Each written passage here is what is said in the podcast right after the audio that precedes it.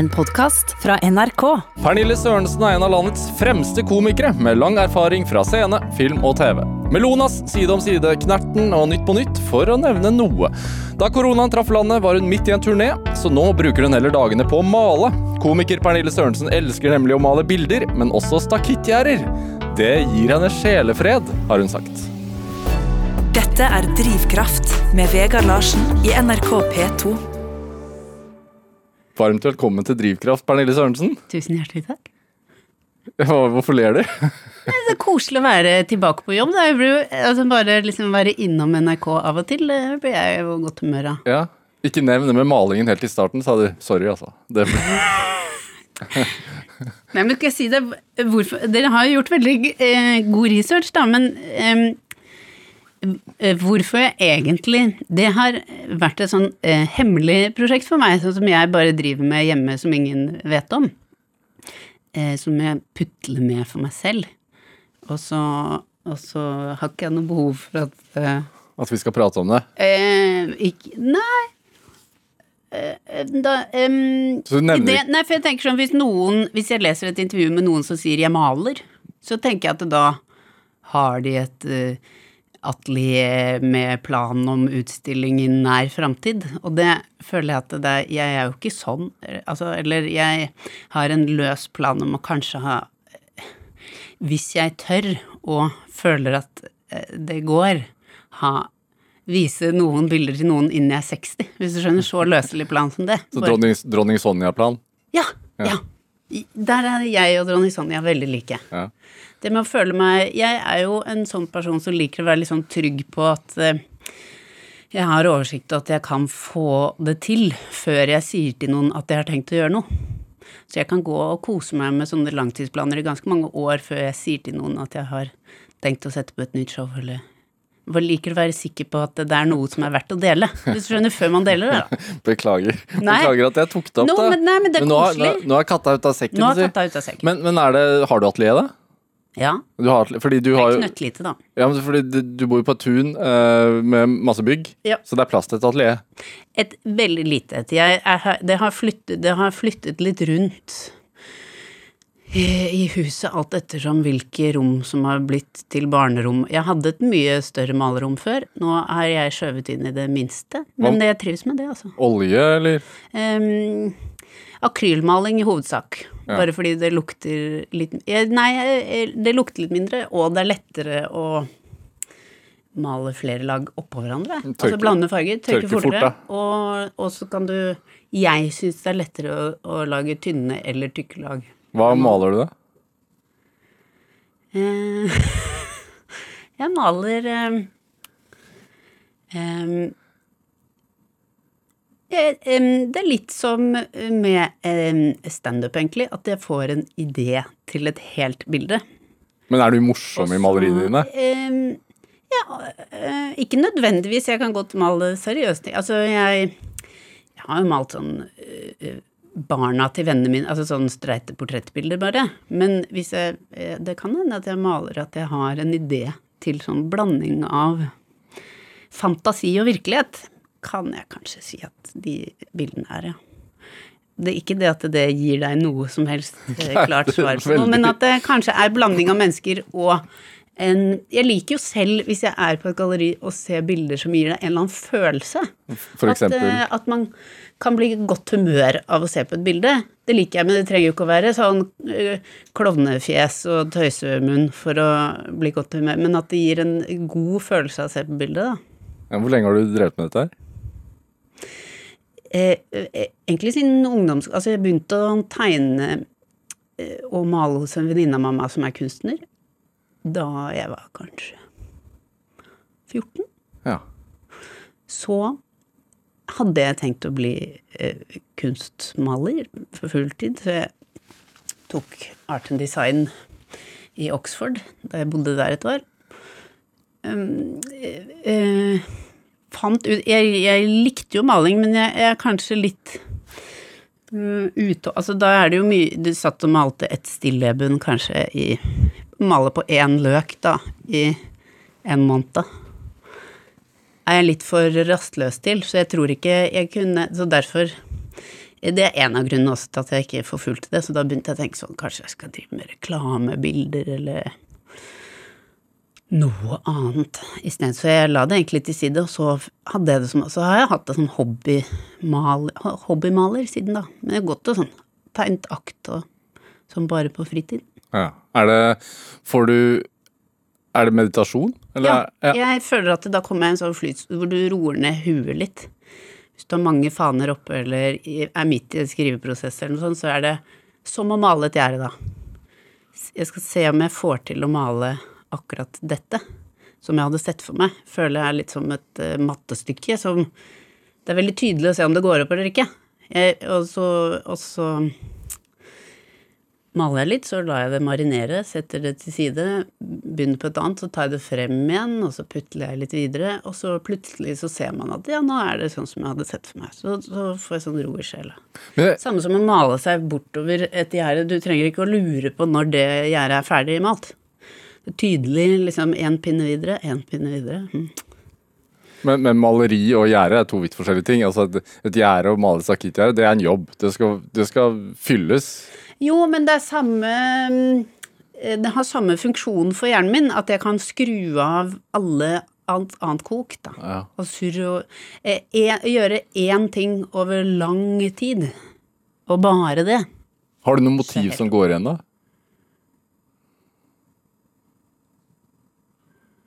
Ja, det har du. Jeg har ofte et, en person et eller annet sted Jeg liker å male det sånn at det skal se ut som Du tror først at du ser at det ser ut som Du tror du vet hva slags rom den personen er i, og så går du litt nærmere, og så ser du at det er kanskje egentlig ikke et rom, men bare eh, biter av noe annet innover. Ja. Jeg klarer ikke å forklare det på en annen måte. Det er derfor jeg ikke snakker om det. Men Det er er det, inni mitt hode. Er, det, er det mange som får se disse maleriene? Nei. Hvorfor ikke? Nei, det er ikke noe å vise fram ennå. Det er bare de, altså det er nære venner som jeg maler til, da, som liksom spør kan du male meg et bilde, og så Altså, du da viser jeg det. du får oppdrag. Noen få nære venner som kjenner meg, da. Ja. Men jeg får ikke masse oppdrag, nei. Og det har jeg ikke Jeg ville ikke turt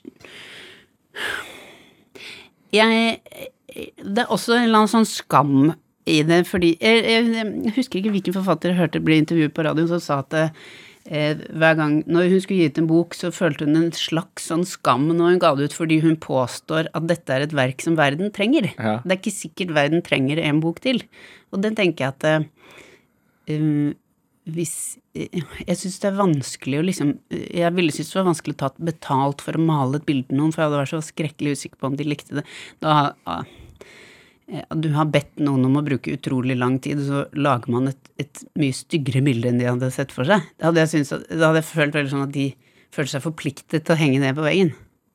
Man må jo aldri male bilder til noen uten å vite at de vil ha det. Nei. Nei.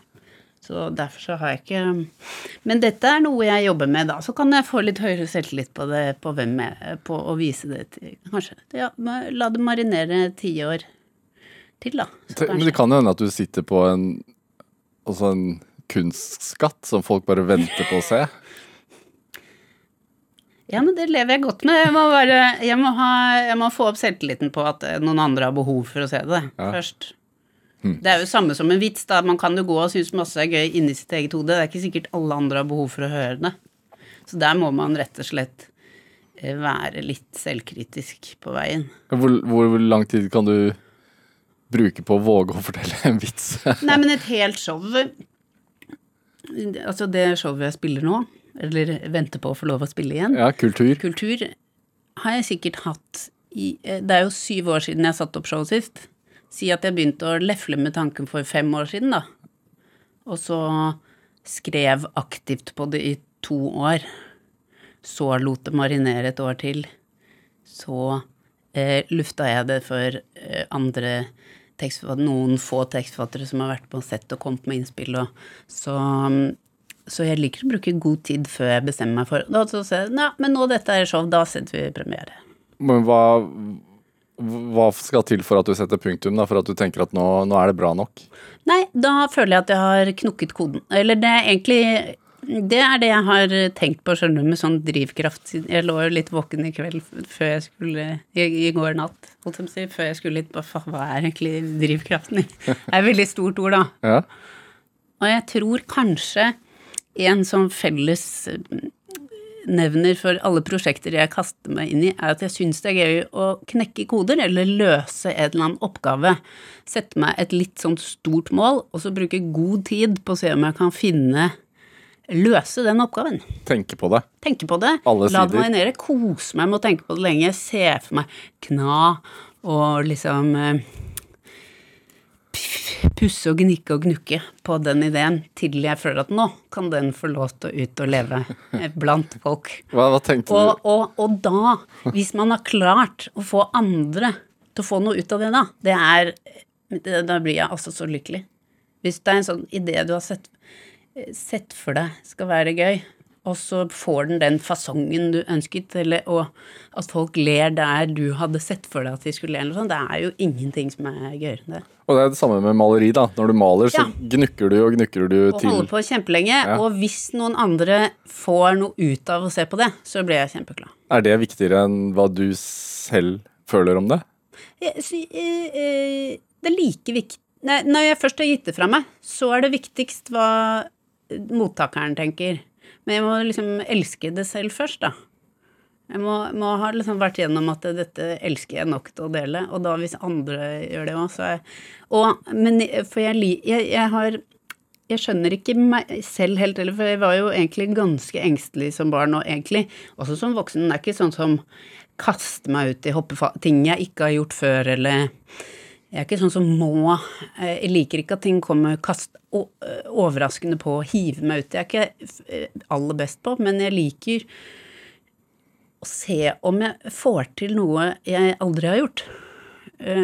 Eller jeg liker å løse Jeg liker jo sånne nøtter i avisen, se om jeg får riktig svar. Jeg liker quiz. Altså oppgaver. Jeg liker å få en oppgave og se om jeg får til å gjøre det. Men går det kjapt opp i skallen da, eller liker du å bruke lang Jeg tid? bruker Jeg kan bruke Jeg liker å være nøye. Ja.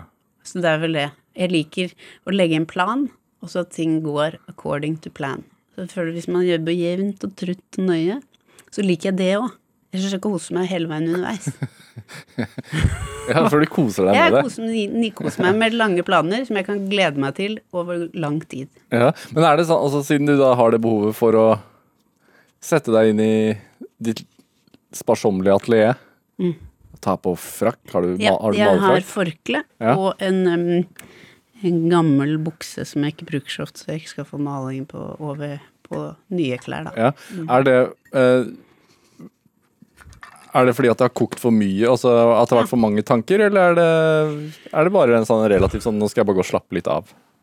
Nei, nei, men jeg bruker det aktivt som skru av kokehue hvis du har for mange der, altså for mange skriveprosjekter på samtidig, da, eller Når kan det skje, da, for eksempel? Hvis man har Jeg maler egentlig mest som for eksempel det var en periode hvor jeg både hadde opptak med Side om side, var på turné, avrunda Nytt på nytt, og eh, ga ut barne-tulledikt for barn. Da er det mange ting du kan sitte og gruble på og bruke. Hvis alle de fadene er oppe samtidig, så er det mye sånn Jeg liker å gå og tenke på ting inni hodet òg, og er innover, men da, da tror jeg både familien og, liksom, og, jeg, og min hjerne har godt av å bare skru av en knapp. Ja. Da må jeg enten se på en serie eller male et gjerde eller et bilde. Det funker, pleier å funke, da. Tenk, tenk, er det sånn at mannen din sier sånn Du skal ikke gå og male et bilde der, Pernille? Nei, Nei. det er det faktisk ikke. Så det er ikke sånn at For jeg kan bli sur på bilder òg, hvis ikke jeg er blitt akkurat sånn som jeg Sånn som nå har jeg et stående som jeg er litt sur på, og da Hvorfor da, det? Det er bare eh, eh, Det er noe som er blitt feil, som jeg vet at jeg må rette opp i, og det tar sånn tid, og da må jeg rygge liksom litt tilbake i, i prosessen, og det er ikke jeg så glad i. Så nå maler jeg gjerde. Nå har jeg begynt på hele gjerdet i hagen. I stedet. Ja, Jeg har masse tid nå. Jeg skulle jo ha vært i produksjon med Side om side, det er utsatt til neste år. Skulle vært på turné. Har, har, har egentlig ikke jobb før jeg skal begynne med Nytt på nytt til, til høsten. Så nå maler jeg Vi har 900 milliarder meter med gjerde rundt. For vi fant ut at vi skal sette opp stakittgjerde. Hvitt stakittgjerde. Det er en kjempekoselig idé. Det passer så fint i huset. Og så glemte vi å tenke på hvor mange meter det egentlig blir til sammen, da, hvis man skal ha det rundt hele hagen.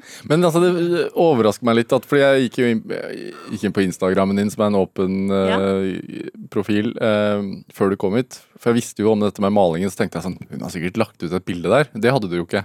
Nei, jeg har aldri vist det til noen, og egentlig ikke snakket så mye om det heller. Så For det- jeg vil ha det Ja, ja, for det overrasker meg litt at Pernille Sørensen, som kan fremstå eksepsjonelt uredd Ja. Altså, du står på scenen, du er, ekstremt selvsikker på TV, altså Ja. du Men likevel ja, men hvorfor skal jeg vise det hvis jeg ikke skal ha en ut... Altså, da virker det jo bare skrytete, eller sånn Se så fri det, det er det samme som å legge ut bilde av barna sine. Hva skal det, er det for at folk skal si sånn 'fina', 'å, så støte barn du har'. Jeg har ikke noe Og det er jo ikke det som er drivkraften i at jeg maler. Tvert imot så er det det at det får lov til å være hemmelig, at det er bare jeg som trenger å forholde meg Det er så mange andre steder i livet hvor jeg trenger å forholde meg til hva folk mener om det jeg sier, eller det jeg gjør, at akkurat med malingen så vil jeg helst at ingen skal mene noe om det. Tenk hvis noen skriver at det er stygt, da. Da hadde jeg blitt helt sånn Nei, men da skal jeg ikke fortsette å male, da. Be- Beklager at jeg tok det opp. nei, nei, det bare koselig. Men det er hobbyen min. Ja. Jeg, har, det, jeg føler at det er en sånn klassisk hobby. Ja. Så, har, det, og så kan du få lov til, om det fortsetter å bare være hobby hele resten av livet, eller om jeg gjør noe aktivt ut av det, det gleder jeg meg til å finne ut. Ikke sant? Så når du endelig får det ut på utstilling, Mm. det blir kjempesuksess, så er det en ny fase av livet Mm. i, inn i pensjonisttilværelsen. Som jeg kan gå aktivt inn i. Liksom. Da har jeg åpnet den porten, og jeg har jo bestemt meg for er hele kroppen min med på det, og at jeg kan bestemme meg for å ha selvtillit på det. Kommer du til å bare gå i skjortel og sånn da, eller? Ja, som da flip-flops og kjortel. Nei, men Dette er Drivkraft med Vegard Larsen i NRK P2. Og i dag så er komiker Pernille Sørensen her hos meg i Drivkraft på NRK P2. Eh, du nevnte Side om side. Det er satt Ja. på pause. Ja, Vært med der siden 2013. Blitt ekstremt populær. ja. Jeg har det. Mhm. Kan jeg si litt Jeg syns det er litt overraskende at det, at det ble så populært. Det Er det lov å si, overraskende for alle oss som er med òg. Ja. Det var vel tenkt å være litt sånn ung voksen um, Ja, man hadde jo sett Solsidan at det funker med sånn uh, nabolag, eller Ja. Vi er jo ikke først som har tenkt at liksom Modern Family virker som slår an. For, for de som ikke har sett det, da, så er det Det er familier som bor uh, i, et, I en gate. I en gate. Ja. I, er, det, er det i Bærum, eller hvor er det? Nei, det er tenkt å være et sted, et litt mindre sted utenfor Oslo. Ja. Et eller annet sted. Ja. Diffust sted. Du spiller i hvert fall Lisbeth Berg. Du har mann, Mann. Man, Mann eh, to barn. Ganske likt deg selv.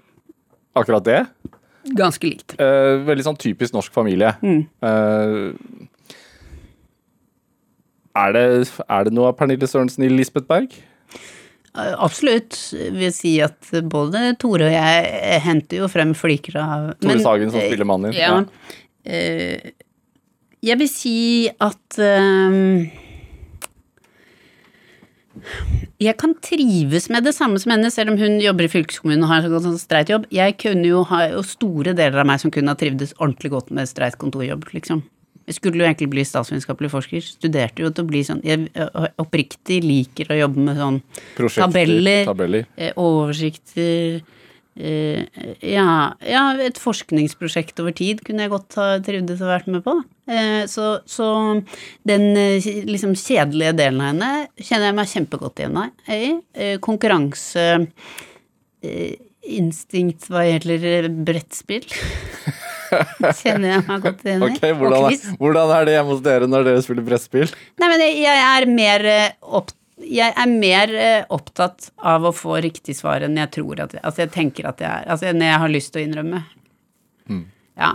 Og, eh, og så er jeg mm, Men ellers så er det jo liksom en til Hun er nok mer stressa enn meg og mer mm,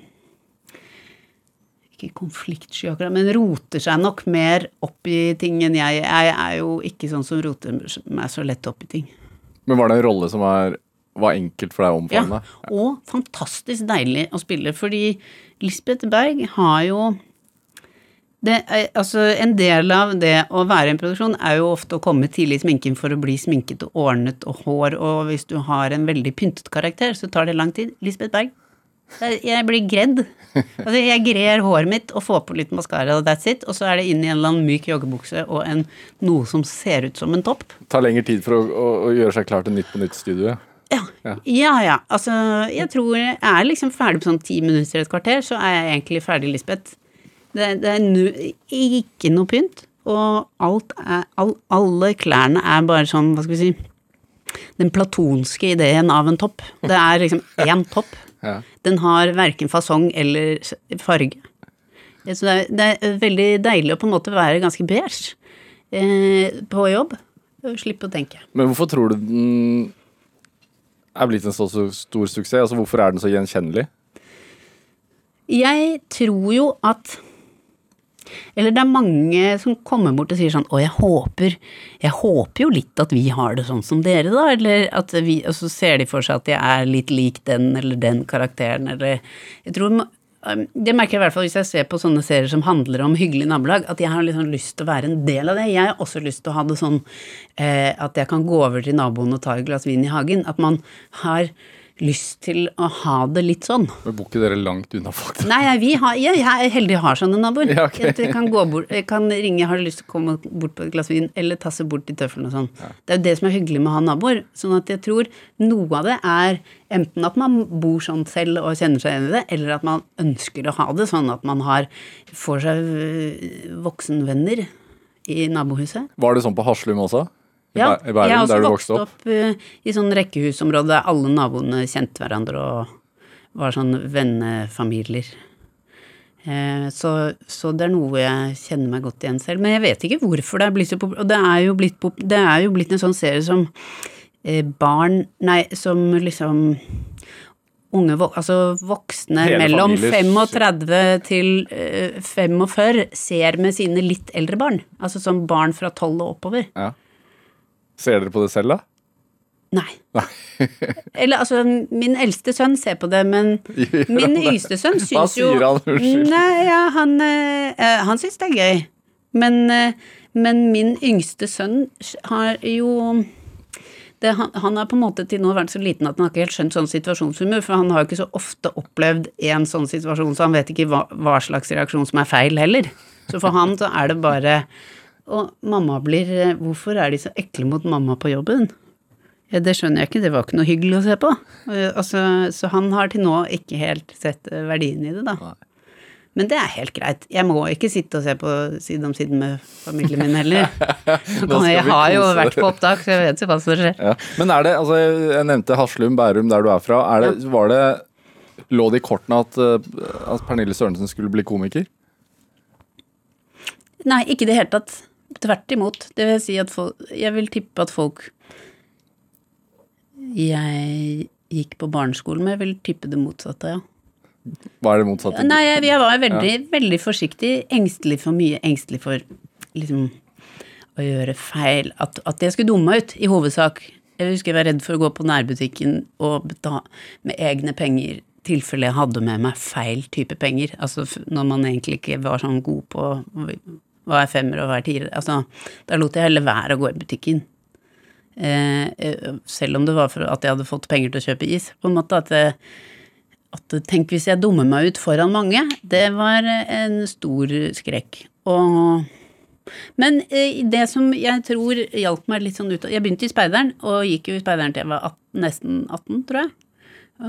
Og det, det tenker jeg at løsna snippen litt på sånn ja, da, da skal jo alle patruljen ha noe sånn til leirbålet, så skal du lage noe underholdning, og man er liksom en, en gjeng som ja, bo på tur, liksom gjøre sånne oppgaver sånn. Man blir jo trygg på gjengen når man har satt opp et telt og laget et gapahuk eller noe, sånt, og så skulle underholde fordi man kjenner allerede. Det er ikke så skummelt, så jeg tror liksom det øh, hjalp på sånn Ja, det er ikke så farlig. Men jeg var jo litt sånn engstelig i speideren òg, selvfølgelig. Tror du det er eh, personlighetstype? Altså Tror du man blir født litt engstelig? Ja, det tror jeg. Ja. Eh, det tror jeg.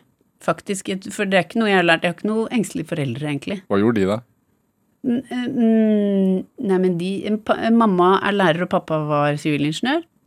Eh, Men altså, de har alltid vært sånn som har, likt, altså, som har gjort det samme. De har ikke vært sånn veldig altså, Vi var alltid på hytta om sommeren og leide samme hytte i påsken på fjellet og gjort, vært sånn rutinemennesker, da. Men, men ikke vært sånn overbekymret eller eh, Så jeg vet ikke hvor jeg har Men der, det ser jeg jo liksom Jeg har jo ja, det tenker jeg om man er indrestyrt eller ytrestyrt eller engstelig eller ikke, tror jeg bare er rett og slett noe man er født med. Det kan man jo se på egne barn òg. De har helt sånn forskjellig forhold til virkeligheten på hva de engster seg for. Den ene engster seg for noe som den andre er helt uredd for.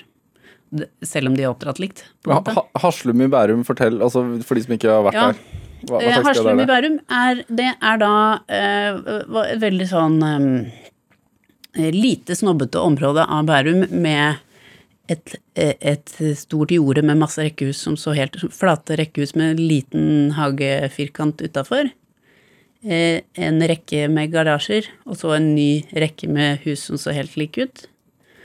Eh, ganske sånn lite snobbete del av Bærum, sånn at jeg fikk vel egentlig først den der snobbe-Bærum i fleisen da jeg begynte på ungdomsskolen, for da begynte vi å liksom ja, da kom man med folk, på skole med folk fra steder? Stabekk og andre Ja. steder hvor, hvor det, klespress og, og bil når du fylte 18 og, eller, og penger til konfirmasjonen var litt sånn Det var forskjellig målestokk på hva som var innafor og utafor. Um, men, og, men også gikk jeg jo på Nadderud videregående, som egentlig var veldig sånn raddiskole med teaterlinje, så jeg var egentlig sånn gjennom store deler av oppveksten i Bærum forskånet for det verste sånn eh, snobbepresset, da. Men mye fordi jeg hadde Jeg ser som voksen nå at det var mye fordi mamma og pappa insisterte på nedoversnobbing, da. At jeg fikk jo aldri til min store fortvilelse sånn merkeklær eller Er en, var kjempenøye på det. tenker du at det er en god ting, satt i Ja, ja. perspektiv? Ja. Ja, ja. At jeg, hvis jeg skulle være med på Påskelærerspeider'n, så måtte jeg gå med avisen for å tjene pe penger til det selv. Ja. Er det, altså, det at du var så bekymra altså, Du skrev dagbøker, vet jeg, Ja, som barn. det gjorde jeg. Hva sto det der? Du skrev ganske tjukke Jeg, hadde, jeg, har dagbøker. jeg har de i garasjen fortsatt. Nå er det lenge siden jeg har lest de, faktisk. Men jeg skrev Ja, jeg hadde sånne faser. Altså En stund så var det Så skrev jeg liksom eh, Jeg husker jeg hadde en side hvor jeg skrev Jeg var veldig nøye på hver kveld å be til Gud om å passe på at ingen i familien skulle dø. Så det, jeg hadde en side jeg funnet hvor jeg skrevet opp hele den kveldsbønnen, og jeg måtte huske på også Det begynte liksom med mamma, pappa og Anniken. Passe på at alle vi lever lenge sammen eh, her på jorda, liksom. Og, men så begynte jeg å få litt dårlig samvittighet. Jeg måtte jo ta med tante Kari og onkel Truls òg, og så måtte jeg ta med alle besteforeldre. Altså det ble en veldig lang liste med folk som jeg ønsket skulle leve lenge. Eh, Så det Jeg skrev ned sånne ting som eh, det var viktig at jeg husket på i tilfelle jeg skulle glemme det. Og så skrev jeg ned dikt og historier. Jeg ble fort inspirert av sånn hvis jeg hadde lest eh, Toril Torstad Hauger, den der 'Flukten fra vikingene', husker jeg leste hele den serien. Da skrev jeg jo en vikingbok liksom som, om en jente som var nesten litt lik hun ene der. Rett og slett, altså det hadde vært sett på som plagiat hvis den skulle blitt gitt ut, på en måte. Så da, og da, så jeg fortet meg å skrive ned sånne ting så jeg ikke skulle glemme Ja, ja, det er faktisk sant. Jeg skrev jo en hel del ting da, allerede, faktisk. Sånn hemmelige prosjekter som ingen så, som jeg bare hadde i boken min. Hvor, hvor, vesentlig tror du det har vært for uh, suksessen din opp igjennom? Altså det at du faktisk har skrevet veldig, veldig mye. For du liker jo å skrive. Ja, jeg tror det har hatt en eh, del å si, og så tror jeg det at mamma og pappa leste masse eh, Jeg ble lest mye høyt for, og vi leste mye sammen. Jeg tror det gir jo barn god fantasi, da. Eller at man liker At man får lyst til å høre historier, og får lyst til å fortelle historier videre, tror jeg har man om man jeg, jeg tror det hjelper mye å bli lest for, og lese mye bøker selv. Jeg leste jeg, vi, vi leste jo høyt en felles bok som på ferie til, til jeg var ganske gammel, egentlig. Hadde vi liksom én bok vi leste høyt. Hvilken var det, husker du? Åh, nei, det var så mange. Men jeg husker jo liksom at vi var på påske, leste Georgs magiske medisin, husker jeg jo. Altså, det var jo ikke da jeg var 18, da, men eh, jeg husker opplevelsen av å ha en bok man holder på med. Eller om det var Ringenes herre, eller eh, Og så hadde jeg en venninne som hadde en familie som gjorde det samme, så hvis jeg var med de på hytta, så hadde vi en bok som vi leste høyt der, og eh, og vi leste leste eh, Altså, pappa leste for meg, eller mamma leste for søsteren min høyt på sengen kjempelenge. Pappa var veldig opptatt av historie, så det var, var mye Ja, jeg husker den derre um, verdensomseiling under havet, så var det mye En del av det var sånn å forklare hvor i verden han hadde Da tegnet pappa litt sånn kart og og hvis det var noen sånn tekniske forklaringer på Robinson Crusoe med det der soluret, så tegnet han Så tok vi en liten pause, og så tegnet han opp liksom hvordan solur funker og Så jeg følte at hele den greia var en sånn fin eh, Ja. Og, sånn Jeg ser at de brukte nok masse tid på å være med oss.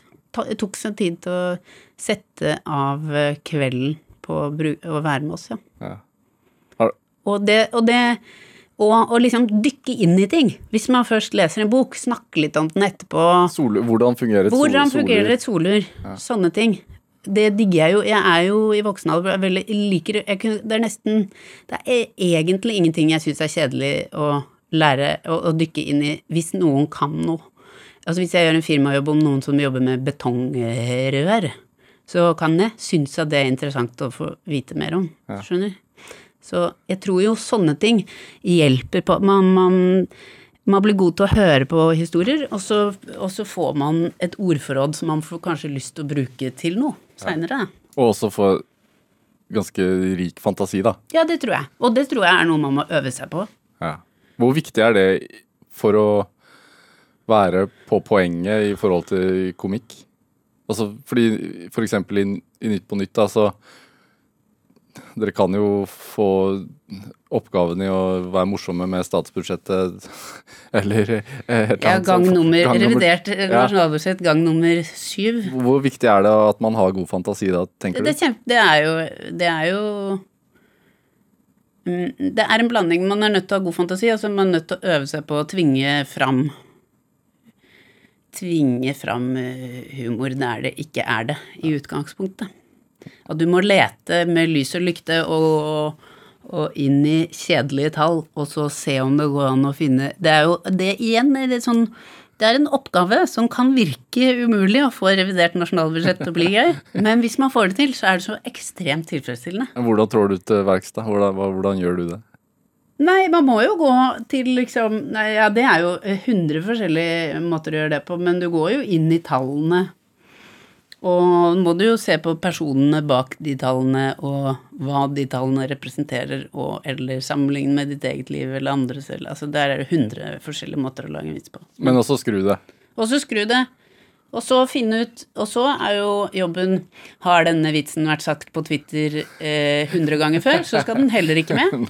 Fordi det er noe som heter første vits og andre vits. Hvis det er en vits som alle andre kan komme på, så trenger ikke den å være med i vårt program Kaster du masse sånne ja, andre vitser? Kaster. Ja. Mye er jo bare tømme hodet på hva som er gøy, og de tre, fire, fem, seks, syv første vitsene er jo ofte sånn som alle kommer på. Så må man grave litt lenger ned i skuffen da, for å se om man kan komme på noe nytt gøy. Men det, denne bekymringen din som barn, altså, når gikk den over? Nei, ja, jeg tror kanskje liksom anslaget begynte litt i speideren. Da var det liksom ja. øve seg litt på å være, bli kjent med nye på stor speiderleir. Det er ikke så skummelt. Men hva var du redd for, da? På hike. Jeg var jo redd for at vi skulle gå oss bort der, liksom, og Ja, det, og at, vi, at det rett og slett at jeg skulle dø på haik og sånn. Du får nattorientering, du får et kart. Tenk om vi aldri finner fram, og sulter i hjel her ute på vidda på Røros. Dødsangst ganske tidlig på ja. grunn av god fantasi, da? Ja, det tenker jeg. Uh, worst case scenarios har jeg alltid vært veldig god på å se for meg. Men nå er jeg på en måte i voksenlivet blitt så vant til det at jeg koser meg nesten litt med det. Hvis du skjønner. Liker å tenke på hva er det verste som kan skje. Og så For da er jeg forberedt. Sett at det skulle skjedd, så kommer ikke det til å bli så ille, da, tror jeg hjernen min tenker. Jeg vet ikke, jeg. Men nå under koronaen, da, når mange har tenkt at Nei, men store katastrofer, det takler jeg kjempebra. Ordentlig god på det. I krisesituasjon, først på ulykkesstedet og sånn. Helt rolig. Ja, hvorfor? For du har vært der før i, i hodet? Ja, jeg er kjempegod på store, alvorlige ting. Dritgod. Små sånne hverdagsbekymringer, det går jeg og lefler med så ofte. Det er liksom Når det store først skjer, så har jeg på en måte vært Det landskapet har jo hjernen min vært innom for lenge siden. Hva er en hverdagsbekymring, da? Som kan kverne? Eh, kan, uh, hva hvis Ludvig ikke rekker den bussen til fotballtrening, så blir han stående nede på trening, og så rekker ikke jeg hjem til sånn må han gå. Nå har ikke jeg fått gitt ham beskjed om han, at han kommer han hjem alene, for han hva gjør vi med middag da? Det er jo det er ikke bekymring akkurat, men det er sånne små logistikkting som jeg går ja, ja, nei, men altså alle foreldre har vel kjent på sånn du sender ungen din i barnehagen på leirskole, så lurer du på om de kommer til å drukne, eller om de kommer hjem i live. Jeg er jo god til å tenke sånn, jeg vet jo at det ikke kommer til å skje.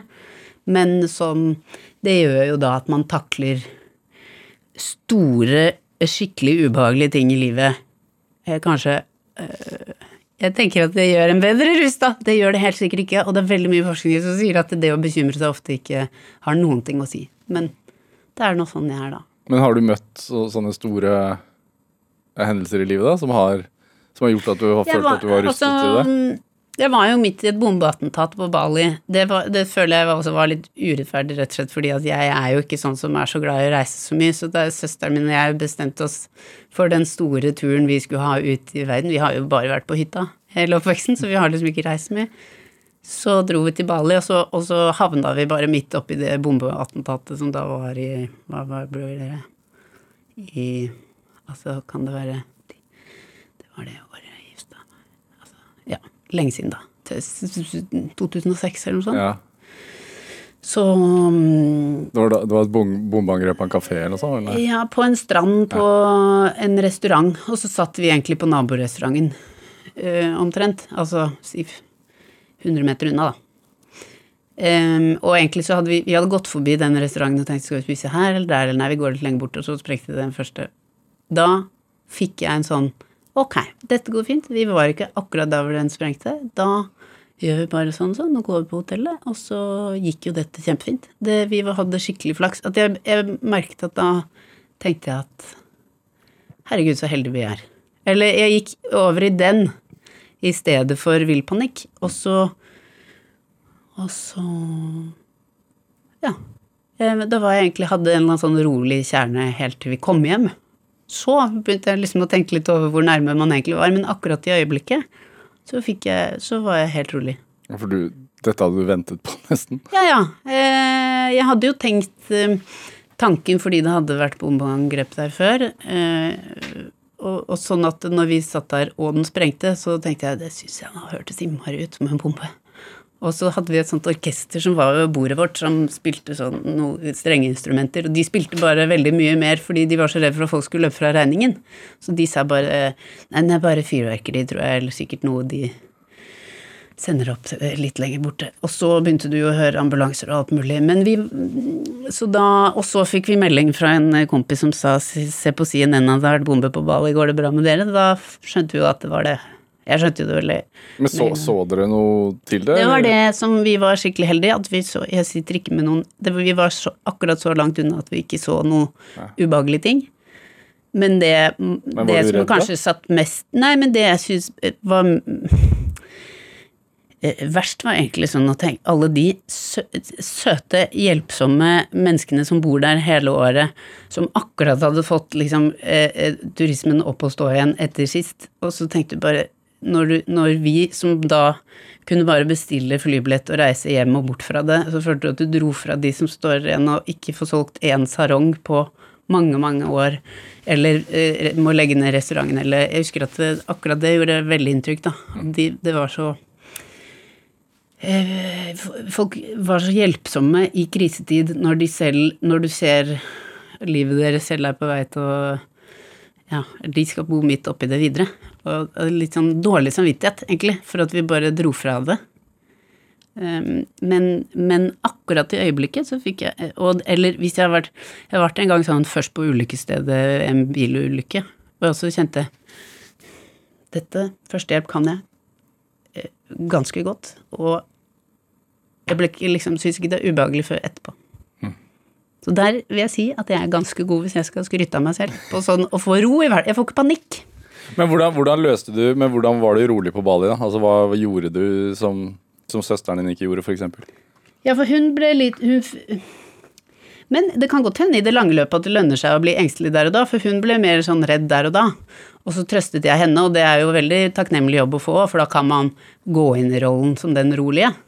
Mens når vi kom hjem, så var jo liksom egentlig hun ferdig med å være redd. Da fikk jeg en litt sånn etterbølge av sånne ting jeg måtte jobbe med og gruble litt over livet sjølve. Er det, altså, så du sier at du fikk dårlig samvittighet for at dere reiste fra. Er det Har du brukt den dårlige samvittigheten til noe? Altså For man tenker jo sånn hele tiden, at, man skulle, at man skulle gjort mer. Man skulle Ja. hjulpet mer. Men det kjenner man jo på virkelig hele tiden, og når du le... Altså sånn eh, Jeg skulle ønske at jeg kunne sitte i dette programmet og si drivkraften til livet mitt er å bygge det barnehjemmet jeg alltid har hatt lyst til å bygge, og jeg har vært mange ganger nede og driver og bygger det. Eh, altså sånn som Mari Maurstad har jo et fantastisk prosjekt hvor hun virkelig hjelper folk eh, som trenger hjelp. Der skulle jeg selvfølgelig vært et mye bedre menneske. Men jeg støtter utrolig mange organisasjoner hjemmefra, da. Ja. Økonomisk i alle retninger. Men jeg er nok ikke mm, mm, Jeg har ikke vært på stranden i Hellas og delt ut varmetepper, og det burde jo helt sikkert flere ha gjort. Hvorfor får vi ikke til det, tror du? Fordi det, man tenker jo det. Jeg tenker jo det selv. Men det er vanskelig å få Ja, men gjort det. også tror jeg rett og slett jeg er litt sånn redd for å komme oppi den grusomheten der nede òg. At man Det er sikkert sånn for å skjerme seg selv. Det er jo en egoistisk handling, og vet du hva, for meg så kommer det til å bli så tøft å kjenne på en liten slik av hvordan de har det, at jeg velger å la være. Da er det tryggere for meg å støtte på avstand, og så kan noen andre med sterkere syke eh, være i frontlinjen der. Det er jo en egoistisk handling.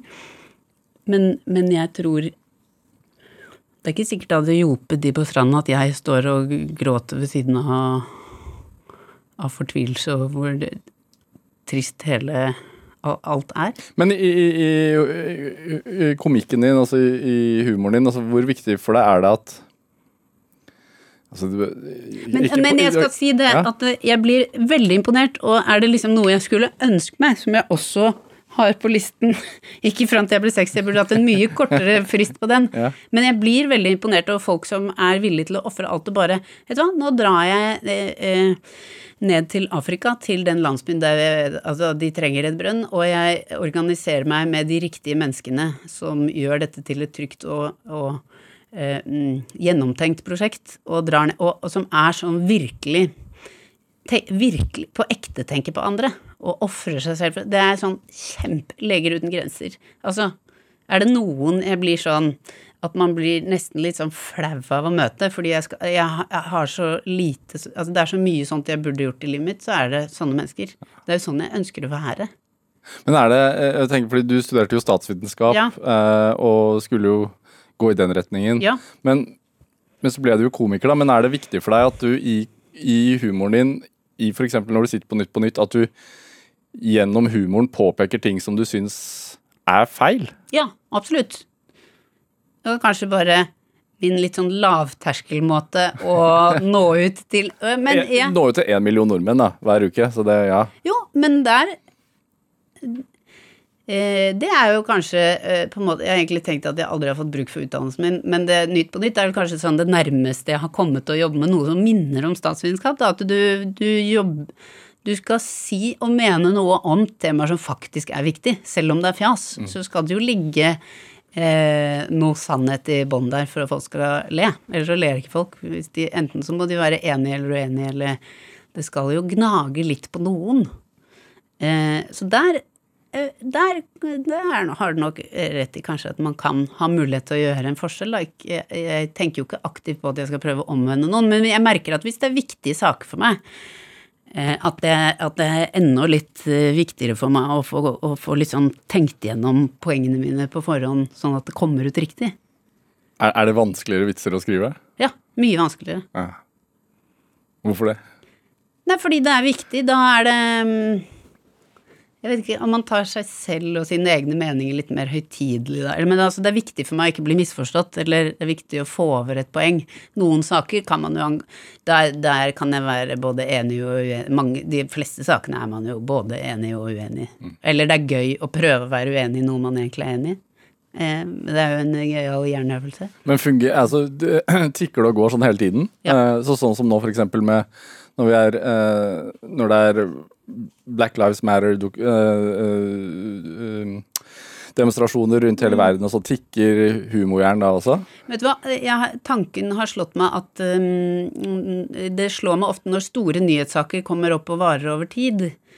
Uh, noen ganger så er man sånn åh, søren at vi ikke har sending nå. Ja. Og andre ganger så er det også rett og slett uh, altså rent sånn egennyttig. Dette hadde jeg eh, eh, måttet sette meg ned og bruke så ordentlig tid på hvis vi skulle laget vitser om dette her. Her måtte man eh, tenkt på hva som er viktig å få fram og ikke. At, at noen ganger så er det fint å kunne følge debatten fra sidelinjen og sitte hjemme og kjefte høyt eller nikke og være enig eller Ja.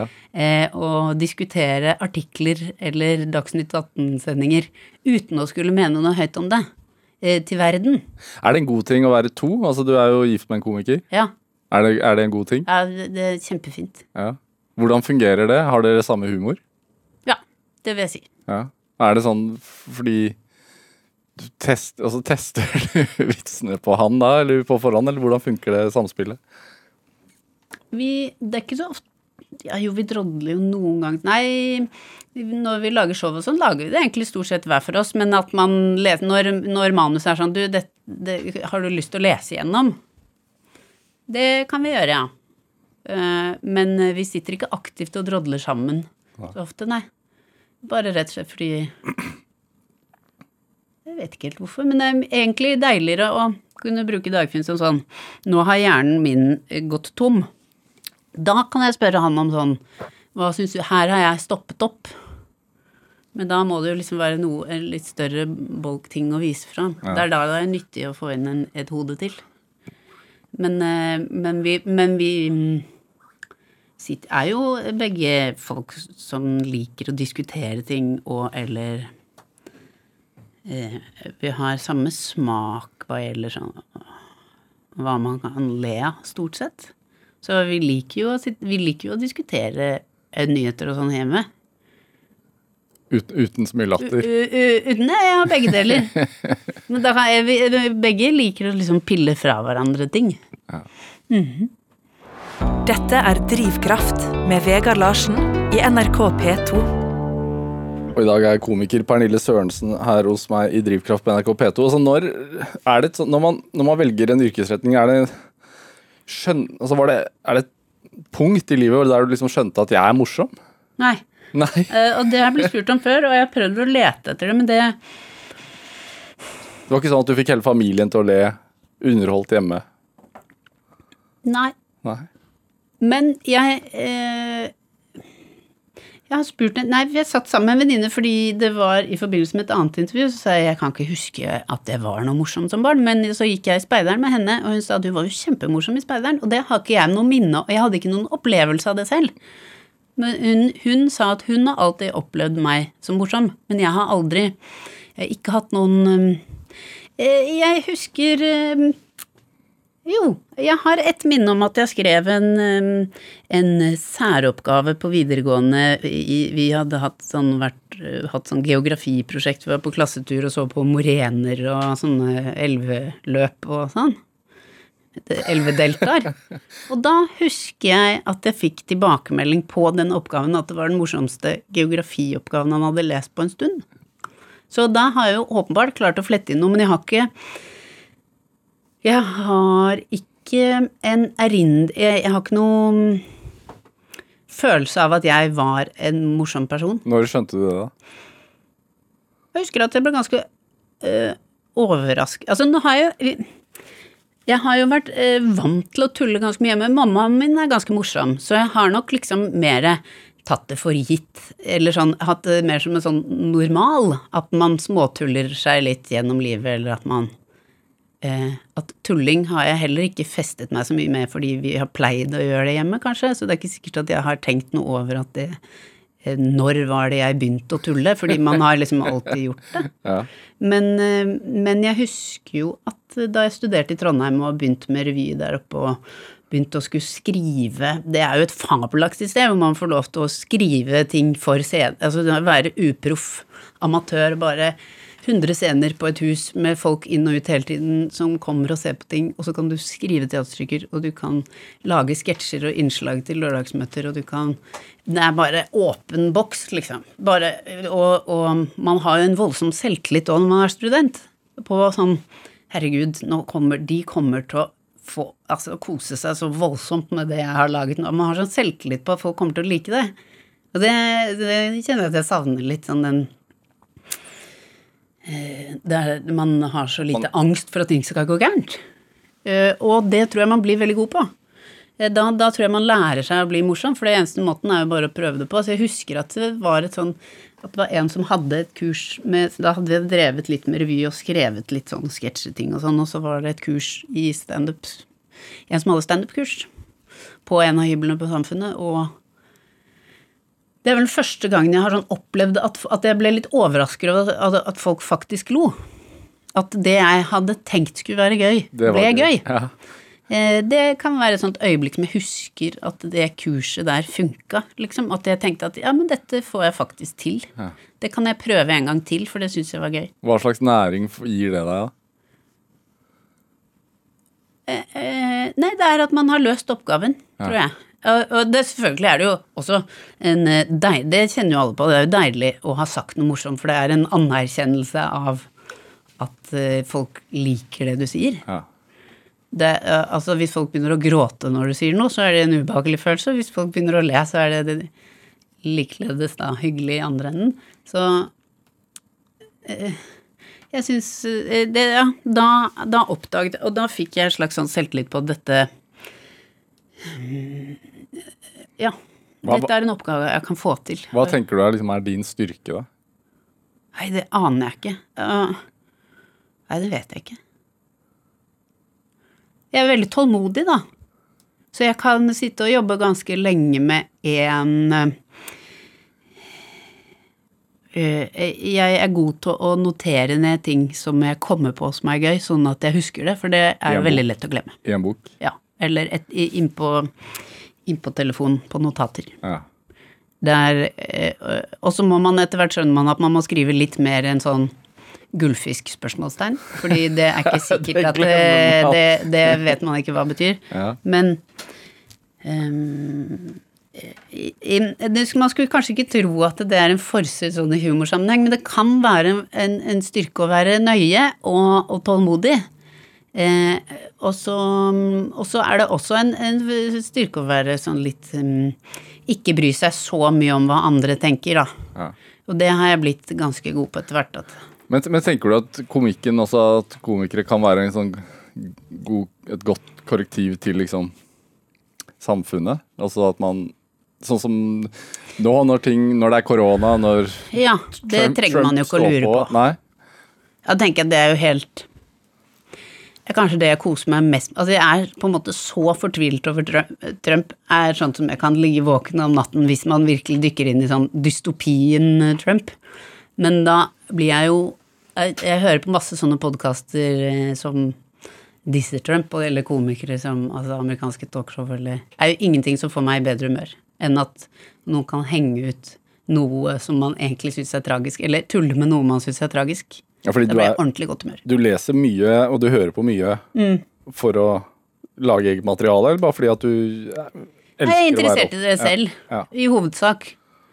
Eh, men eh, liksom Pod Save America, når de taleskriverne til Obama piller fra hverandre Trump, er jo kjempegøy, liksom. At det, det er sånn jeg kos, Da blir jeg i godt humør etterpå, selv om det er jo ikke noe hyggelig at noen disser andre, men, men hvis det er noe man er enig i, så det er bare en sånn påminnelse om at ja, hvis man er enig, så ler man skikkelig godt. Er, det god, er humor også en god medisin mot f.eks. en dødsangst, da, som du følte på som Ja, barn? det, jeg liker jo å høre på komikere som tuller med tragiske ting, bare fordi at det er noe hodet mitt lefler med ofte. Eller ja. Jeg liker tristesse, Ja. liksom. Um, ja. Og det er kjempevanskelig, så det er jo utrolig fornøyelig når noen klarer å naile det. Og snakke om betente ting på en gøyal måte. Jeg tør jo veldig sjelden å gjøre det selv, for jeg er livredd for å såre noen. Så jeg er ikke førstemann ut i rekka på sånn Er det, er det, er det en god, god egenskap som komiker? Nei, egentlig, altså Nytt på nytt skal være veldig glad for at vi har Bård og Johan, Ja. som, tør, som tør litt mer enn meg på sånn Der hjelper det ikke å være sånn høykontrollperson som meg. hvordan er den eh, trioen? Hva, hvordan vil du beskrive liksom, forskjellen på, på dere? Hva er rollene? Vi har ikke noen definerte roller, men jeg ser at jeg, eh, de tør nok å, å si litt mer kontroversielle ting enn meg, for jeg blir så redd for at jeg skal få sånn eh, brev fra en eller annen mor inn i innboksen som er blitt såret, og så, og så får jeg dårlig samvittighet, og så Ja. Jeg har ikke lyst til å si noe slemt. Så, eller jeg bruker mye krefter på det, i hvert fall. Men, med, men det er jo, og så er det ulike definisjoner av hva som er slemt, og det er alltid noen som blir fornærmet, men jeg kjenner at da må jeg liksom ikke så glad i å provosere bare for å provosere. Men hvis jeg skal gjøre det, så må det liksom være noe jeg virkelig mener. Da, da, så lenge jeg kan stå inne for det og forsvare det, så har jeg ikke noe problem med det. Men, men jeg, jeg er redd for at folk skal bli lei seg. jeg. Det er generelt. Jeg har ikke lyst Livredd Sånn kjeft i som voksen er skikkelig ubehagelig. Er, er du ikke enig? Føler man seg som et barn igjen? Ja, og, og det er alt fra sånn parkeringsvakter eller Ja. Jeg bare Jeg er ikke noe glad i å få kjeft. Sånn føler meg dum. Eh, Pernille Sørensen, en time går altfor fort. Eh, Jeg må spørre deg også. Ja. Driv, drivkraften din, kan du forklare den kort og veldig kort? Nei, ja, altså um, Nei, men hva er det jeg har jo Jeg har jo ikke kommet med noen konklusjon, men, men drivkraften er kanskje sånn eh, Prøve å løse en oppgave og se om jeg får det til, og så er det faktisk ikke så gærent om det ikke går, for da, så lenge man har prøvd så godt man kan. Så for, da lever jeg veldig godt med det. Tusen takk for at du kom hit til Drivkraft, Pernille Sørensen. Produsent i dag var Kjartan Aarsand. Ellen Foss Sørensen bidro også sterkt til denne sendingen. Jeg heter Vega Larsen. Vi høres. Du har hørt en podkast fra NRK. Hør flere podkaster og din NRK-kanal i appen NRK Radio.